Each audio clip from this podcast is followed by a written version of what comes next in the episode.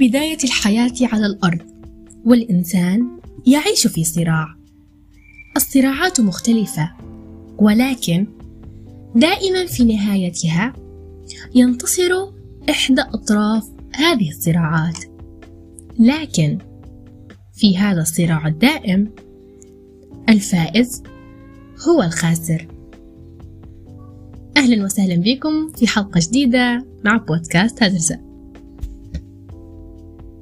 أكيد في مرة اتخذت قرار صحيح وقال لك صديقك والله درت عين العقل.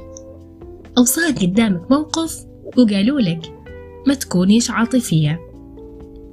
أول شيء يخطر على بال الشخص لما يسمع بكلمة العقل هو الاتزان والرزانة والقرارات الصحيحة. وفي الجهة المقابلة لما تسمع كلمة عاطفة يخطر ببالك التسرع والتخبط والقرارات المتأرجحة. الصراع بين العقل والعاطفة دائم ومستمر أشبه بما يكون صراع العروش. علمتنا المجتمعات العربية أن الرجل يتزن بالعقل والمرأة تتحكم بها العاطفة. فالرأي الأول هو دائما لأصحاب العقول. بعضكم يرى أن هذا الكلام حقيقي وبعضكم يعارضه تماما. أولا لنستند إلى العلم. يقول العلم أن للعقل البشري سلوكان سلوك عقلي وسلوك عاطفي. السلوك العقلي يتواجد في قشرة الدماغ الرمادية. أما السلوك العاطفي موطنه في منطقة الدماغ الوسطى. ولأن الله تعالى خلقنا أمثال بعضنا إلا باختلافات بسيطة. فإن هذان السلوكان يمتلكهما كلا الجنسين. قد تظن للوهلة الأولى أنك المتحكم الأول والوحيد في عقلك لتكتشف أن العقل يصدر أوامر غير مباشرة. أو لست أنت المتحكم بها. كالشعور بارتفاع الحرارة وآلام البطن لتفسرها على أنها مرض. والغضب عند خوضك لحديث مع زميلك. أو كالوقوع في الحب تصير لكم اللقطة بعد نقاش حاد مع حد تتذكر الكلمات أو فكرة كان من الأفضل لو حضرت هذاك الوقت وكنت قلتها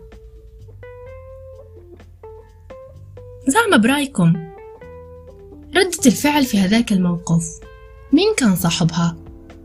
العقل ولا العاطفة؟ من هو صاحب الكفة الراجحة؟ على هذا السؤال تجاوبنا المعالجة النفسية سحر شلهوب. قالت إن قوة العقل أقوى من العاطفة. وتقول بأن الوعي لدى الإنسان حجمه صغير مقارنة مع حجم اللاوعي. ففي اللاوعي تكمن الذكريات والمشاعر والانفعالات الطفولية. وتخرج هذه المشاعر عندما يمر المرء بحالات من الغضب الشديد مما يؤثر على قراراته وتصبح غير معقلنه وقد يندم عليها فيما بعد. لكن إذ كان العقل يقظا تكون له القدرة على السيطرة وقد يؤثر على قرارات الفرد وتصبح معقلنة ومسؤولة. في القعدات مع الصحاب غالبا نسألنا هذا السؤال. تقرر بعقلك ولا بعاطفتك؟ وبالتأكيد أغلبنا جاوبنا وبحدة. لا بعقلي أكيد. بيصبح اتهام صريح لمن يقرر بعاطفته أنه مجرم. مع أن أغلب قراراتنا تتحكم بها العاطفة. وفي هذا يقول الدكتور طارق عبود إن الإنسان لا يستطيع أن يجعل عقله يسيطر على عاطفته بشكل كلي. بينما يستطيع في بعض الأحيان تغليب عاطفته على عقله. إن العاطفة تتدخل في صنع القرارات وأهمها أيضا. زي تخصصك الدراسي أو وظيفة معينة. لازم نعرف إن العاطفة مهمة جدا في اتخاذ القرارات. مهما بدت لنا القرارات هذه منطقية إلا إن نقطة الأساس فيها تستند إلى العاطفة أولا.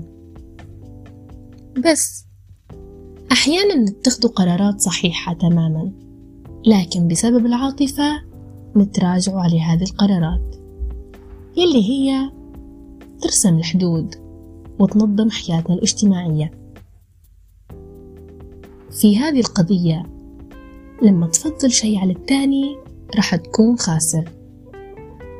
العقل والعاطفة مكملان لبعضهما. بينهم صراع وكل حد فيهم يبي يكون الليدر. لكن الفهم صح حيخليهم اثنينهم متساويين. بودكاست هدرزة عنوان حلقة اليوم صراع العروش. من إعداد وتقديم نغم الفرجاني.